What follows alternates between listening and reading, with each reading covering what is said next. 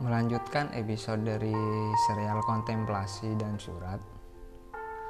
Sebelumnya tulisan yang berjudul Jendela Rumah Iyang sudah saya bacakan dan sudah bisa dinikmati.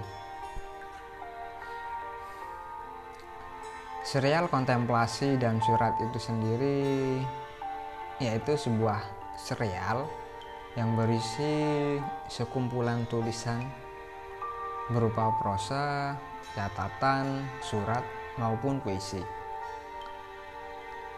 Serial ini lebih fokus pada prosanya, catatan, ataupun surat itu sendiri. Meskipun tidak menutup kemungkinan akan ada beberapa penggalan puisi maupun selipan-selipan saja yang saya masukkan. Kenapa saya lebih berfokus pada pembacaan prosa, catatan maupun surat? Karena mengingat episode sebelumnya kan adalah surat, maka untuk menjaga konsistensi atau bisa dibilang sebagai keinginan untuk menuntaskan serial dari kontemplasi dan surat itu sendiri sehingga nantinya bisa beralih ke pembacaan puisi maupun saja. Apakah tidak ada puisi yang sudah ditulis? Sebenarnya ada, tapi tidak masuk pada sesi atau segmen serial yang yang ini. Itu ada di segmen yang berbeda. Harapannya ke depan setiap segmen membawa serialnya masing-masing. Baik itu puisi, pembacaan buku-buku yang sudah terbit maupun pembacaan atas karya-karya orang lain. Tentu itu dibacakan dengan tetap mempertahankan kreditnya masing-masing. Semua itu akan dibuatkan daftarnya sendiri-sendiri berdasarkan segmen yang memang saya pilih ataupun nanti yang kita pilih dari tim yang kita pilih. Kenapa tulisan yang dibacakan kali ini berjudul Menuju Tempat Paling Damai dan Aman? Sebenarnya ide, ceritanya ide cerita dari tulisan ini sebenarnya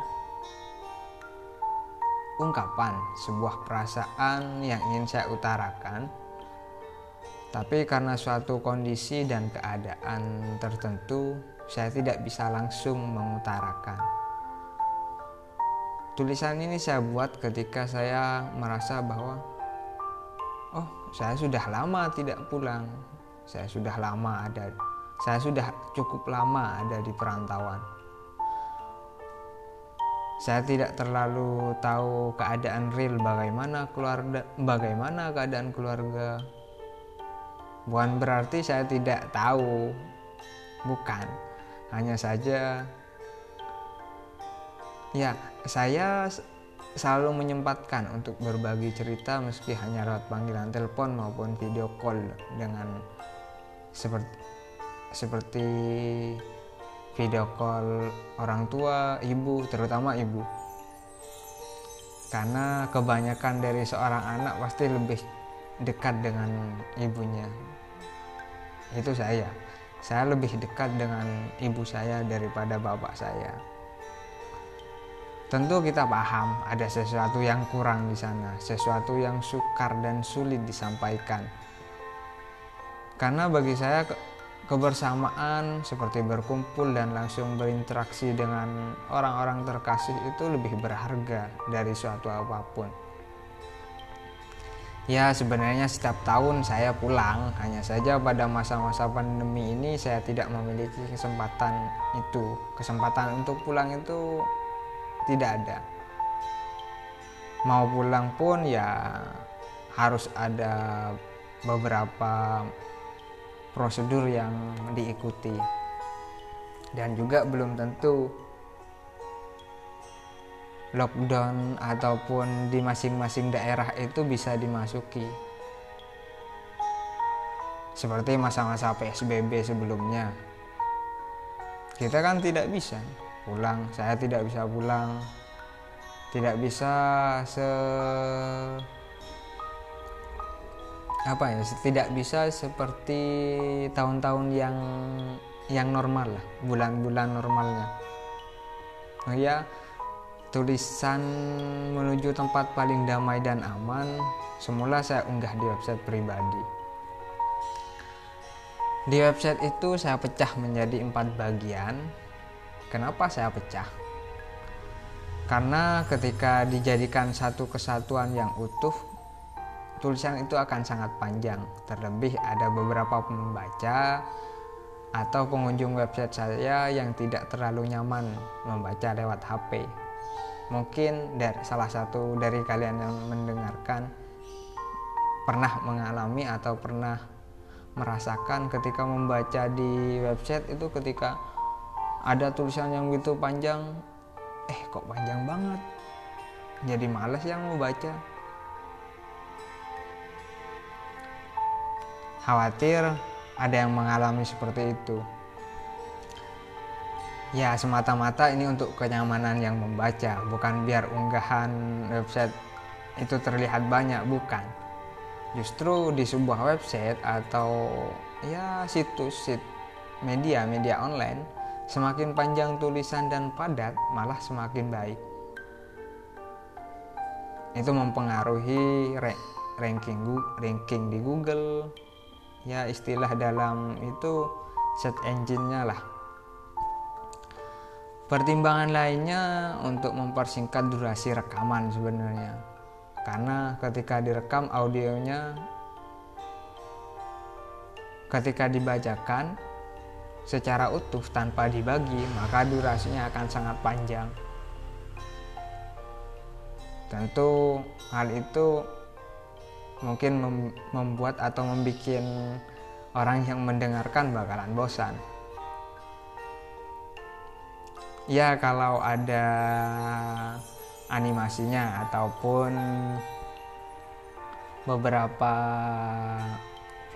beberapa elemen atau ya seperti film lah.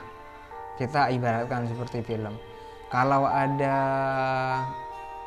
latar ceritanya yang jelas ataupun beberapa dalam film itu kan ada manuskrip atau skrip. Nah, masing-masing tokoh itu kan memiliki perannya masing-masing, menjalankan perannya masing-masing dengan dengan aktingnya masing-masing. Nah, kalau nggak ada itu, nggak ada orang yang memerankan, tentu yang mendengarkan pasti bosan. Alasannya sih seperti itu. Di website Tulisan menuju tempat paling nyaman dan aman diberikan judul masing-masing berdasarkan garis besar isi tulisan. Bagian pertama, oh ya, kenapa saya pecah? Sama alasannya sudah saya sebutkan sebelumnya. Bagian pertama saya beri judul Berjuang dan Bertahan, sebuah rumus kehidupan. Judul ini saya pilih sebagai gambaran bahwa dalam keadaan apa pun kita hanya perlu bertahan dan berjuang, meneruskan dan menuntaskan semua rencana yang telah disusun maupun dibuat sebelumnya. Bagian kedua saya beri judul Hiduplah seperti apa pun sebab cinta penengahnya. Yang dimaksud dari judul ini adalah apa-apa yang dirasakan baik itu itu seperti amarah, rasa kesal, bosan, dan keadaan-keadaan yang membuat kita lupa bersyukur. Seperti berbicara ketika mendapat ke, memperoleh keadaan atau memperoleh kenyataan kita di tempat contohnya seperti ini. Kita ditempatkan pada satu keadaan yang tidak menurut kita itu tidak menguntungkan. Itu secara logika kita secara pikiran dalam pikiran kita itu tidak menguntungkan. Nah tanpa disadari kita itu kan tidak bersyukur merasa bahwa kenapa sih harus saya yang merasakan sesuatu seperti ini bukan orang lain bukan berarti ketika berbicara itu orang lain kita berharap orang lain mendapatkan suatu yang buruk bukan tapi itu seperti bentuk ketidakpuasan kita terhadap apa-apa yang Tuhan berikan. Kita merasa bahwa itu tidak adil, Tuhan tidak adil terhadap kita.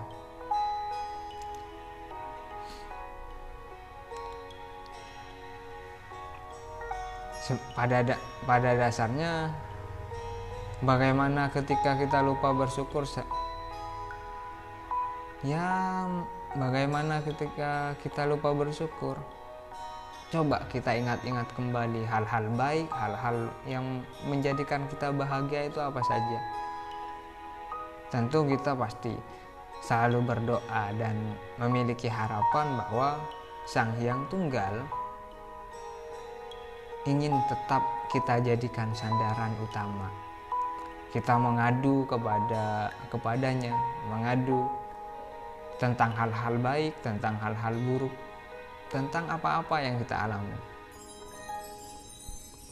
Bagian ketiga itu berbicara tentang fakta sebenarnya, tentang fakta-fakta, tentang bagaimana kita menerima keadaan dengan realistis tapi juga tidak membiarkan kepercayaan itu kepercayaan kita dikikis. Artinya bukan kepercayaan yang di sini bukan ditekankan lebih pada lebih kepada iman bukan tapi ada misalnya seperti ini kamu percaya bahwa besok itu akan baik-baik saja tapi fakta yang kita terima realita yang kita dapatkan tidak seperti itu. Contohnya ketika kita bekerja ataupun ketika kita melamar pekerjaan lah. Kita dengan yakinnya bahwa kita itu akan diterima. Entah itu karena satu faktor akademis kita baik, skill kita cukup bagus, tapi kan kita tidak tahu apa yang dipikirkan orang lain. Sama, sama halnya dengan apa yang ingin Tuhan berikan kepada kita. Kita kan tidak pernah tahu. Tulisan pada bagian ini saya beri judul fakta yang tak pernah disebutkan. Hal-hal yang tak pernah disebutkan dari fakta ini adalah keputusan Tuhan atas setiap rencana kita. Tentang bagaimana Tuhan memberikan sesuatu yang kita butuhkan, tapi kadang kita anggap sesuatu itu sebagai sesuatu yang tidak penting. Begitupun dengan doa-doa yang pernah dipanjatkan ada beberapa doa yang mungkin kok belum terkabul kok masih belum tercapai doa ini masih belum belum di, belum diberikan jawaban. Hal-hal seperti itu.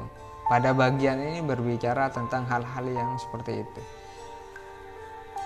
Bagian terakhir dari tulisan menuju tempat paling damai dan aman berjudul saya beri judul siapa tahu Tuhan berpihak pada doa. Maksudnya dari judul ini tidak ada masalah dan tidak disalahkan kita selalu berharap. Karena sudah sepatutnya kita menghamba kepada Tuhan dan berderma atas apa yang telah diciptakannya. Mungkin ada beberapa mungkin secara logika ketika dipikir, ketika dipikirkan secara logika. Ketika ketik secara logika ketika kita nalar apa tidak sama halnya? Ketika kita berdoa sama halnya kita seperti kita memaksa Tuhan cepat kabulin apa yang saya minta cepat kabulin.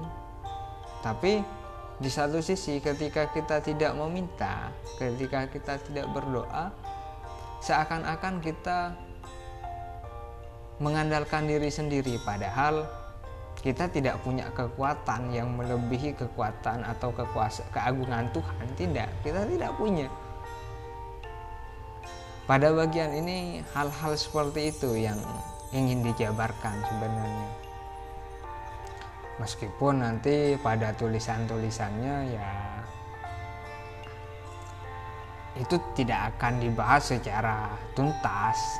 Karena kontemplasi adalah bentuk bagaimana kita mengutarakan bagaimana kita berbicara perasaan perasaan perasaan perasaan ataupun hal-hal yang kita rasakan. Kita mencoba mengungkapkan dengan kata-kata atau kita ingin mengabadikan perasaan itu.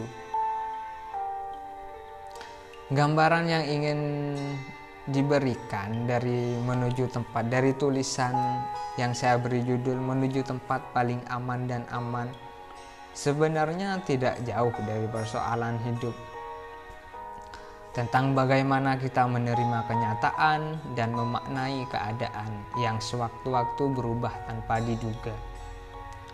Begitupun tentang bagaimana kita berpegang teguh pada keyakinan iman dan ajaran yang sudah dipercaya sebelumnya. Pada dasarnya tulisan ini bisa dinikmati oleh setiap kalangan karena biarpun saya terlahir dari keluarga yang beragama Islam, latar belakang kepercayaannya Islam, saya selalu berupaya dan berusaha menulis sesuatu itu gimana ya mengatakannya gampangnya setiap tulisan yang bisa yang bisa diterima dan dinikmati oleh semua orang. Begitulah sederhananya. Ya terlepas dari itu terlepas dari itu semua setiap yang saya tulis setiap tulisan saya ataupun setiap apa yang saya coba sampaikan dalam tulisan saya adalah bentuk pengingat untuk diri saya sendiri. Sebenarnya itu tujuannya. Saya ingin melepaskan beberapa beban dengan cara oh, menulis saya jadikan sebuah terapi saja. Sebuah cara bagaimana saya mengoreksi, bagaimana saya mencoba untuk mengingat-ingat kembali apa yang telah Tuhan berikan kepada saya. Puji syukur apabila nanti ada yang bisa memetik hikmah dari tulisan-tulisan yang saya buat ini. Karena tulisan ini sama. Ya sama seperti kontemplasi pada umumnya. Tulisan yang ingin mencoba memberikan kesan hidup adalah apa yang kita rencanakan sedangkan ketentuan-ketentuan adalah milik Sang Hyang Tunggal. Artinya kita bisa memiliki rencana, tapi jika, tapi jika Tuhan tidak memutuskan itu baik, artinya tidak memutuskan itu baik untuk kita, maka kita tidak bisa apa-apa selain menerima dan mencoba berlapang dada, mencoba ikhlas dan memetik manfaat dari apa-apa yang telah ada maupun yang telah Tuhan berikan kepada kita sebelumnya. Semoga dengan adanya pengantar ini bisa memberikan gambaran dan manfaat bagi kita semua. Salam, selamat mendengarkan dan menikmati episode yang akan ada pada serial kontemplasi dan surat. Terima kasih.